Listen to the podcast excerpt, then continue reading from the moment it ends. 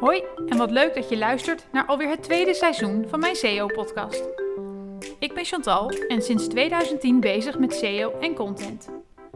In het eerste seizoen van mijn podcast heb ik verteld waarom ik denk dat we SEO anders aan moeten gaan pakken. In dit seizoen ga ik meer vertellen over hoe ik denk dat we het moeten doen. De manier waarop dus. Waarbij er natuurlijk veel aandacht is voor content. Want waar je op gevonden wilt worden, daar moet je over schrijven. Wat leuk dat je luistert naar deze nieuwe aflevering waarin ik het ga hebben over de bouw van een nieuwe website en alle valkuilen die erbij komen kijken. Ehm, het is denk ik de podcast die ik het vaakst opnieuw heb opgenomen. Ehm, ik ben er ook. Uh, uh, elke keer vond ik hem niet goed genoeg. Vond ik dat ik iets niet goed zei of niet goed verwoordde. Toen heb ik nog een post op mijn Instagram geplaatst waarin ik mensen vroeg: wat willen jullie? De harde waarheid en direct of willen jullie het netjes verpakt?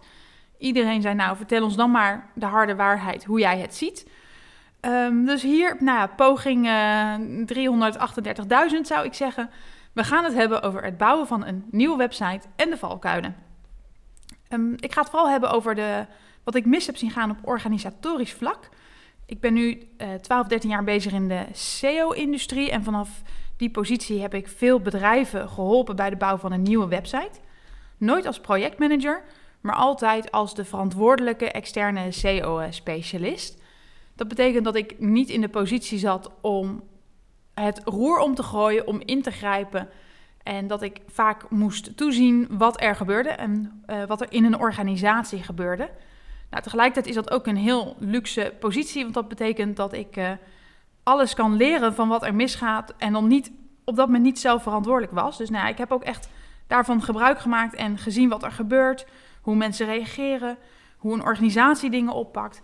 En ik kan zeggen, ja, er zijn ook heel veel valkuilen rondom SEO die niet goed gaan bij de bouw van een website. Um, maar in mijn ervaring zijn die vaak, niet altijd vaak, achteraf nog op te lossen of aan te pakken um, of te verbeteren. Terwijl de valkuilen die ik op organisatorisch vlak heb gezien, wat er daar gebeurt, dat proces, dat kan gewoon echt de boel zo vertragen of stilleggen. Dan komt er, komt er niet eens een nieuwe website. En dat heb ik twee keer zien gebeuren. Het eerste project is uh, zo'n 12, 13 jaar geleden. Dat heeft bijna richting de miljoen euro gekost en het is er nooit gekomen. De stekker is eruit gegaan. Het was te ingewikkeld, het was te complex geworden. Men kreeg het niet meer voor elkaar. En op dat moment was ook de businessdoelstelling verdwenen. Stekker eruit en we gingen door met het, ja, het normale leven. En ik denk dat dat een van de meest leerzame projecten is geweest waar ik bij betrokken ben. Dus ook een aantal van de dingen die ik vandaag ga benoemen, die, uh, uh, die komen voort uit, uh, uit dat project. Daarnaast heb ik ook veel, veel andere bedrijven gezien. Ik heb ook een project gezien waarbij de, offer, de webbouwer een offerte van zo'n 2 ton had neergelegd in eerste instantie. Uiteindelijk liep dat op richting de 3, 3,5 ton, 4 ton. En toen was het ook einde verhaal. Toen waren de irritaties en frustraties vanuit beide kanten uh, zo opgelopen dat de partij zei: Ik uh, stop ermee, hier heb ik geen zin meer in. Dus dat is ook een leerzaam project geweest. En daar ga ik dus vandaag van alles over vertellen. Um, om te snappen waarom dit misgaat, moet je eigenlijk de achtergrond snappen um, hoe er bij een bedrijf gedacht wordt als er een nieuwe website gaat komen. Wat je eigenlijk altijd ziet gebeuren is dat de huidige website voldoet niet. Uh, dingen kunnen niet, kunnen niet beheerst worden, kunnen niet gemeten worden. Of er zijn bepaalde functionaliteiten niet. Um, en vaak is een organisatie vastgelopen in alle frustraties wat er nu niet kan met die site. Nou, dan gaat de kogels door de kerk. Er komt een nieuwe site, er komt budget. En dan is iedereen in een soort van halleluja-stemming. Deze nieuwe website gaat al onze problemen oplossen. Nou, en dit uitgangspunt, dit gevoel, is wat mij betreft staat aan de basis voor alles wat daarna gaat gebeuren. Dit is de eerste domino-steen. En die, dan kan het niet anders dan dat er daarna heel veel domino-steentjes gaan, uh, gaan omrollen. Ik heb ongeveer vijf, zes valkuilen op een rijtje gezet en die gaan we ook bespreken. Het zal ook een wat langere podcast worden. Maar ik denk dat die wel interessant is voor, uh, uh, voor jullie. Nou, de, de, eerste valkuil is dus die website zien als die ultieme verlosser. Hè? Dat halleluja gevoel. Um, het idee dat alles opgelost gaat worden, alle problemen worden aangepakt en vanaf vandaag wordt alles beter. Nou, de verwachtingen zijn dan hoog gespannen. En daar gaan ook gigantische investeringen komen erbij kijken. En dat moet ook, want alles moet beter. Dus ehm, dat project komt daarmee onder een vergrootglas te liggen. Iedereen wil zich ermee gaan bemoeien. Iedereen voelt zich verantwoordelijk. Iedereen wil in ieder geval zijn eigen probleem met die site nu opgelost gaan hebben. En ehm, dat betekent dat ja, waar iedereen zich ermee gaat bemoeien, gaan dingen niet heel veel makkelijker. En zet maar eens tien mensen in een keuken en laat ze samen een recept koken. Dat wordt geheid heibel. En dit is heel erg vervelend, maar je, niet iedereen kan zich hiermee bemoeien. Het is een recipe voor disaster. Er moet een, uh, een soort van scheidsrechter, scheidsrechter, een projectmanager erop zitten. Die wel van iedereen meningen en input gaat ophalen, maar heel duidelijk aangeeft. We weten niet wat er allemaal meegaat in fase 1 en wat naar later gaat en of je input überhaupt meegaat. Ik denk dat dat heel belangrijk is om dat te communiceren. Ik heb in het verleden ook bedrijven gezien die haalden ook input op bij hun werknemers. En dan werd er niks mee gedaan. En dan zeiden mensen achteraf: Nou, nou wordt me een keer wat gevraagd en wordt er nog niks mee gedaan. Waarom vraag je het me dan? Dus doe van tevoren aan verwachtingsmanagement als je input gaat ophalen. Wat je ermee gaat doen en wat je er ook mogelijk niet mee gaat doen. En wat betreft die projectgroep, bepaal wie er in de kern zitten. Dus wie er ook echt iets over te zeggen hebben en mogen meebeslissen. En wie er in de periferie van het project uh, zich begeven. En wie dus wel mee mogen kijken, wat dingen mogen zien. Maar ja, waar de mening of de input van niet altijd mee uh, meegenomen kan worden. Dat is denk ik uh, heel belangrijk. Nou, de volgende valkuil, en dat heeft ook, dat, dat, wat ik al zei, hè, dat is ook dat tweede domino-steentje. Doordat die website de ultieme verlosser is en alle problemen op moet gaan lossen, wil ook iedereen nu alles perfect hebben. De frustratie is zo groot, vanaf nu moet het perfect. En dat betekent dat iedereen meteen allemaal ingrijpende veranderingen wil. Want nu is die kans er, hè? Nu kan je eindelijk voor elkaar krijgen wat jij wilt. Dus um, wat je ziet in de RFP, de Request for Proposal, staan wat uh, wensen en functionaliteiten. En gaandeweg wordt daar iets uitgebreid. Dit moet erbij, dat moet erbij, dit moet mooier, die functionaliteit. We willen deze afrekenfunctionaliteit, die selectie, dit, dit, nou ja, noem het maar op. Het wordt bedacht en het komt op een later moment, want dit gaat altijd tijdens de bouw van de site, komt dit erbij. Dat betekent voor de webbouwer zijn dingen uh, buiten scope. En dat gaat irritatie opleveren, want die gaat zeggen: hier heb ik extra tijd voor nodig. En jij als bedrijf denkt: extra tijd, ik betaal je al 4 ton, dit kan toch wel mee? Um, nee, dat kan niet mee, daar heeft een webbouwer niet op gerekend. Dus die moet dat weer daarvoor extra offertes gaan, uh, gaan sturen. Nou, dat gaat, dit gaat tot wederzijds, wederzijdse irritatie leiden. Nou, dat zevenkoppige monster is dan nog problematischer. Want het kan eigenlijk niet allemaal gebouwd worden in de tijd die er oorspronkelijk voor uitgetrokken is. Dus je gaat uitlopen. Met elke wijziging ga je uitlopen.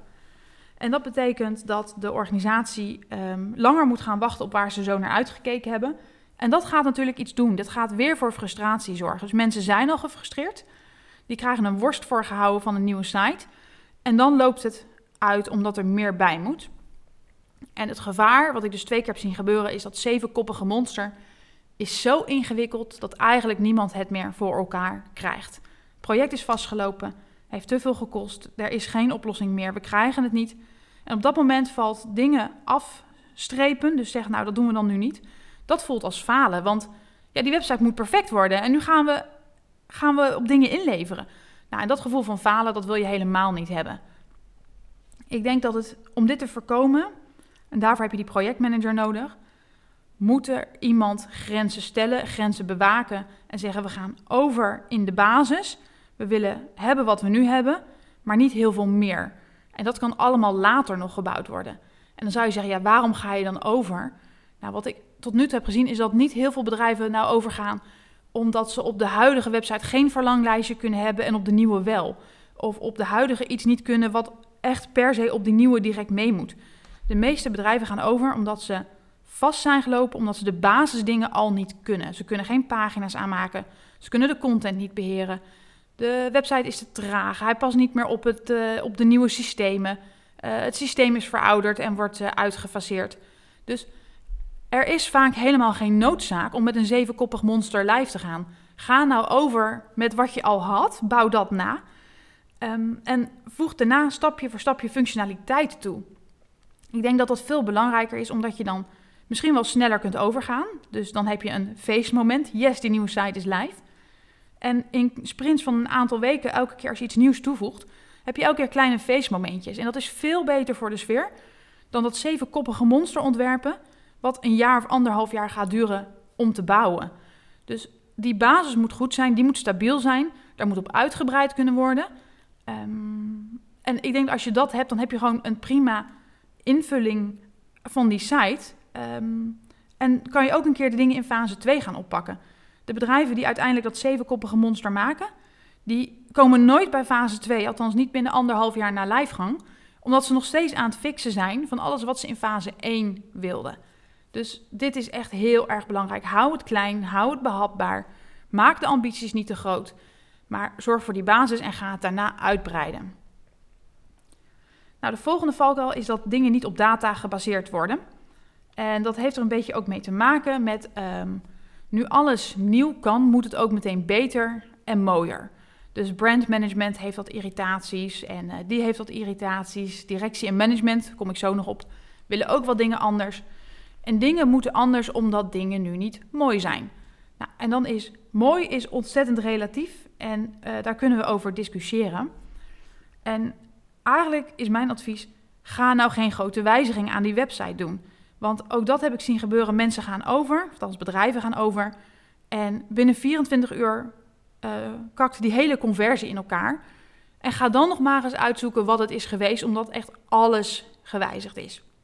Terwijl als je overgaat zoals het nu is, dan heb je veel minder waar je moet gaan zoeken.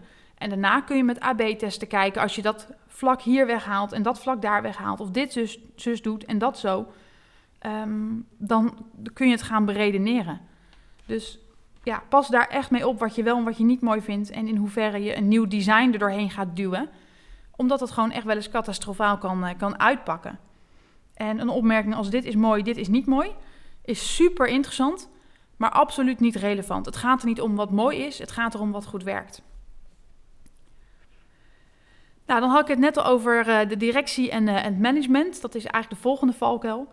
Omdat het zo'n groot project is en alles opgelost moet gaan worden en er zoveel geld in gaat, gaan zij ook meekijken en gaan zich ermee bemoeien. Nou, dit ligt er een beetje aan welk, wat voor een bedrijf je, je, je werkt. Zit je in het MKB, dan kan je er donder op zeggen dat die directeur minimaal wekelijks gebriefd wil worden, als hij niet zelf al um, alle beslissingen maakt. Zit je in een groter bedrijf, zal dat wat anders zijn, maar heb je misschien input gehad van, uh, uh, van de raad van bestuur die, uh, die wat voor elkaar wil hebben of bepaalde wensen heeft. En dat is allemaal hartstikke leuk. En wat ik nu ga zeggen vind ik heel erg moeilijk, maar ik ga het zeggen. De, eigenlijk moet de directie en het management zich niet op dit niveau met de operatie bemoeien. Ze zijn directie, ze zijn management, ze gaan over de grote lijnen. Ze hebben andere kwaliteiten en vaak niet de ervaring die de e-commerce specialist heeft op dit vlak. Of de SEO-specialist. Dus laat het nou ook over aan de mensen die je ervoor hebt aangenomen en die je op die plek hebt neergezet. Vertrouw dat zij op dit gebied meer weten dan jij. Um, en doe dus zelf ook een stap terug. En als je wordt gevraagd om mee te kijken, onthoud je dan ook van al te directe feedback of wat je wel of niet mooi vindt. Want wat ik al zei, wat je mooi vindt, doet er niet toe. Dat moet gemeten worden. En uh, feedback van een directeur kan ertoe leiden dat dat weegt toch net wat anders. Mensen willen dat meenemen, vinden dat erg, willen jou niet teleurstellen. Dus wat jij zegt gaat sowieso meegenomen worden in het proces. En dat moet je eigenlijk niet willen. Dus doe een stapje terug, laat het over aan die projectmanager die je erop hebt zitten. Zorg er wel voor dat deze persoon echt ervaring heeft. Dat hij zwaar genoeg is om grenzen te kunnen stellen, grenzen bewaken en nee kan zeggen en keuzes durft te maken. Maar dat hij ook tegen directie kan zeggen: niet nu, straks of niet nu, gaan we hierna bekijken en dan gaan we het meten. Nou, wat je ook vaak ziet is dat dan uh, product management of ook wel category management zich ermee gaat bemoeien. Die willen een bepaalde indeling van de website en het is leuk dat zij meedenken. Zij gaan vaak over de inkoop van het assortiment, de prijzen, de producten, de merken. Um, maar heel vaak zie je eigenlijk ook dat zij een stem hebben in de manier waarop de producten op de website komen te staan. En nou ja, ook hier heb ik lang over getwijfeld. Hoe ga ik dit zeggen? En ik ga toch gewoon zeggen: dit is niet handig. Ik denk niet dat dit de plek is waar product management of category management zich mee moet bemoeien. Laat nou een e-commerce specialist nadenken over de presentatie op die site, want het is echt gewoon een ander vakgebied. En wat je ziet gebeuren, dat heb ik eh, bij een aantal uh, van mijn klanten gezien, is dat een product bijvoorbeeld in de volksmond anders genoemd wordt dan dat het technisch daadwerkelijk is. En eigenlijk zou je kunnen zeggen, je mag het niet zo noemen, want dat is het niet. En dan nog niet eens juridisch gezien, je mag het niet zo noemen. Maar category management vindt het niet de juiste naam. Maar ja, wat moet je nou doen als duidelijk is dat heel Nederland het wel zo noemt? Dan denk ik dat je op dat moment moet zeggen tegen category management: Jammer, bedankt voor je input, maar ik ga er niks mee doen, want de data zegt iets anders. De data zegt dat wij het zo noemen en dat we dan dit zoeken. Dus um, category management moet daar ook echt zijn plek in kennen. En ik denk dat dit de rol is van de e-commerce specialist en de SEO specialist. Die kunnen zoekvolumes in kaart brengen, want hier is keywordonderzoek heel handig voor. Die kunnen um, categorieën en structuren gaan uittekenen, kijken welke structuren je allemaal moet hebben. En misschien zegt de um, product management dan wel ja, maar die categorie is er helemaal niet. Terwijl je wel die producten hebt. Maar dan staat die bijvoorbeeld niet in het ERP-systeem, waardoor die niet op de site kan komen. Nou, dat zijn echt dingen die zijn zo zonde. Ik denk dat daar e-commerce leidend moet zijn, want die is verantwoordelijk voor de verkopen op de site en niet product management. Nou, en wat je dan ook, nog ziet als een valkuil is dat eigenlijk niemand de keuzes durft te maken. Um, en dan heb, ik niet, ja, dan heb ik het echt over die lastige beslissingen. Terwijl um, die, die horen erbij, die moeten gemaakt worden, knopen moeten doorgehakt worden. En dat is zeker niet altijd leuk. Daar ga je geen vrienden mee maken en je gaat ook zeker niet altijd de juiste keuze maken. Maar het is zo ontzettend belangrijk dat de projectmanager besluitvaardig is en zegt dit wel, dit niet, dit straks, dit nu. Jouw input wel, jouw input niet. Nou, nogmaals, ehm, dit is niet makkelijk. Je gaat er geen vrienden mee maken. En misschien moet je dat ook op dit uh, moment niet willen. Want op het moment dat jij tegen iedereen zegt: Oh ja, is goed, doe ik, ja, doe ik, doe ik. En je bent een, een people pleaser en je durft geen nee te zeggen. Dan heb je de eerste stappen gezet op weg naar die zevenkoppige draak. Maar het wordt nog erger, want iedereen gaat zich er dan ook mee bemoeien, want zijn input zit erin. Dus daarmee haal je de echt de hele organisatie erbij. Nou, en ik denk dat dat is, um, als je dan al niet aan een burn-out eruit gaat, dan uh, wordt dat echt dramatisch voor je project. Dus zoek echt een persoon die zegt: Ik vind het niet erg als mensen me na dit project niet meer zo aardig vinden. Want je kan beter zorgen dat er straks een website staat die um, ja, flexibel genoeg is om uit te bouwen. En die genoeg kansen biedt om daarmee aan de slag te gaan. Dan dat iedereen zijn wensen zijn opgevolgd. Nou, en dan nog wat valkuilen vanuit uh, SEO. Wat ik al zei, sommige zijn echt wel ingrijpend. De meeste zijn achteraf wel uh, op te lossen. Is het, uh, al kan het best kostbaar zijn. Maar waar je echt alert op moet zijn, is een webbouwer die zegt dat de website SEO-vriendelijk is. Dat kan niet. Um, een CMS kan redelijk SEO-vriendelijk zijn, in de zin dat je titles, meta's, headings kunt invullen, dat pagina's een eigen URL hebben die zoekmachinevriendelijk is. Maar dat is echt geen garantie voor succes. Iedereen heeft een SEO-vriendelijke website, ga daar maar vanuit. Dus het is meer een hygiënefactor dat dit kan, dan dat je hiermee de, de oorlog in Google gaat winnen. Wil jij in SEO mee kunnen doen, dan moet je heel slim zijn. Dan moet je op alle vragen in gaan spelen. Dan moet je zorgen dat je overal content over hebt. Dat je techniek goed in elkaar zit. Dat die snel is. Dat je aan die Core Web Vitals voldoet.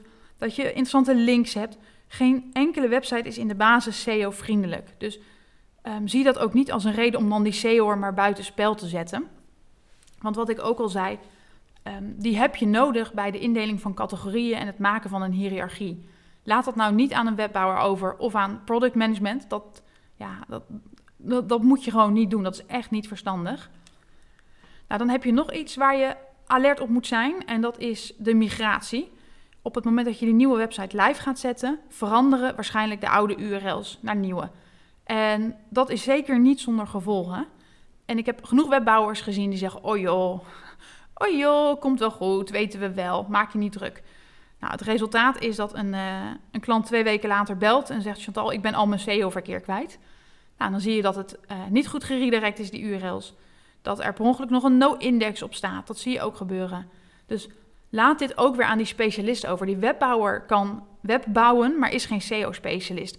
Ik ben een SEO-specialist en ik kan absoluut niet web bouwen. Ik heb mijn eigen website gebouwd en dat doe ik alleen voor mezelf. Dat ga ik voor niemand doen, want daar is het gewoon niet goed genoeg voor. Het zijn echt twee aparte specialismen zijn dit. Dus haal die SEO'er erbij en zorg dat, het, dat die zijn werk goed kan doen. Ehm, en dat hij het ook na livegang gaat testen. En dan nog een, uh, een laatste valkuil. Nou, zijn er eigenlijk twee. Dat betekent dat die nieuwe structuur, als daarin dingen zijn vergeten. Um, stel je had een bepaalde categorie of een subcategorie en op de nieuwe site heb je die niet meer. Of je had content op een pagina en op de nieuwe site heb je dat niet meer. Dat, dat kan niet anders dan dat het gevolgen heeft voor je vindbaarheid. Waar je over schrijft, daar kun je op gevonden worden. Waar je niet meer over schrijft, daar kun je niet meer op gevonden worden. Dus dat gaat um, leiden tot verkeersverlies. Daar moet je je echt van bewust zijn. Nou, en dan de laatste valkuil, en die gaat verder dan SEO, maar is voor SEO heel belangrijk. Dat is dat nog steeds webbouwers beginnen met het ontwerpen vanuit een um, desktop device. Nou, in, zeker in e-commerce-achtige omgevingen, waar meer dan 50% van je gebruiker met een mobiele telefoon komt, denk ik dat je niet meer vanuit desktop kunt beginnen met ontwerpen, maar dat je dat vanuit mobiel moet gaan doen. En dat is daarvan eerste designs moeten komen en later hoe ziet dit er op desktop uit. Zit jij in een B2B-omgeving, is het echt anders. De zakelijke klant, uh, zie ik altijd in Analytics, zit nog veel meer op desktop dan op mobiel. Dus daar kun je op desktop gaan ontwerpen. Maar zorg ervoor dat er niet begonnen wordt met bouwen voordat je je mobiele designs hebt gezien en hebt goedgekeurd. Want dat die op desktop goed staat, wil niet zeggen dat die op mobiel is hoe jij hem wil. Dus uh, een, een laatste tip. Nou, dit zijn eigenlijk de valkuilen, wat ik al zei, voornamelijk op organisatorisch vlak. Um, het begint bij het zien van die website als die ultieme verlosser. Uh, dingen allemaal perfect willen gaan doen, daarna ingrijpende veranderingen willen gaan doen. Je beslissingen niet op data gaan baseren. Mensen gaan zich ermee bemoeien die hier niet dagelijks mee bezig zijn en er geen specialist in zijn. Um, en als dan niemand grenzen durft te stellen en um, beslissingen durft te nemen, dan, ja, dan krijg je gewoon dat dus een project helemaal vastloopt, vertraagt. Dat de organisatie er helemaal klaar mee is, dat die nieuwe website al uitgekotst is voordat die überhaupt live staat. En dat is echt ontzettend zonde. Ik hoop dat je met deze tips wat kan en dat je het voor jezelf beter kunt doen. Wil je niks missen? Volg me dan op Instagram. Je vindt me onder Chantal NL.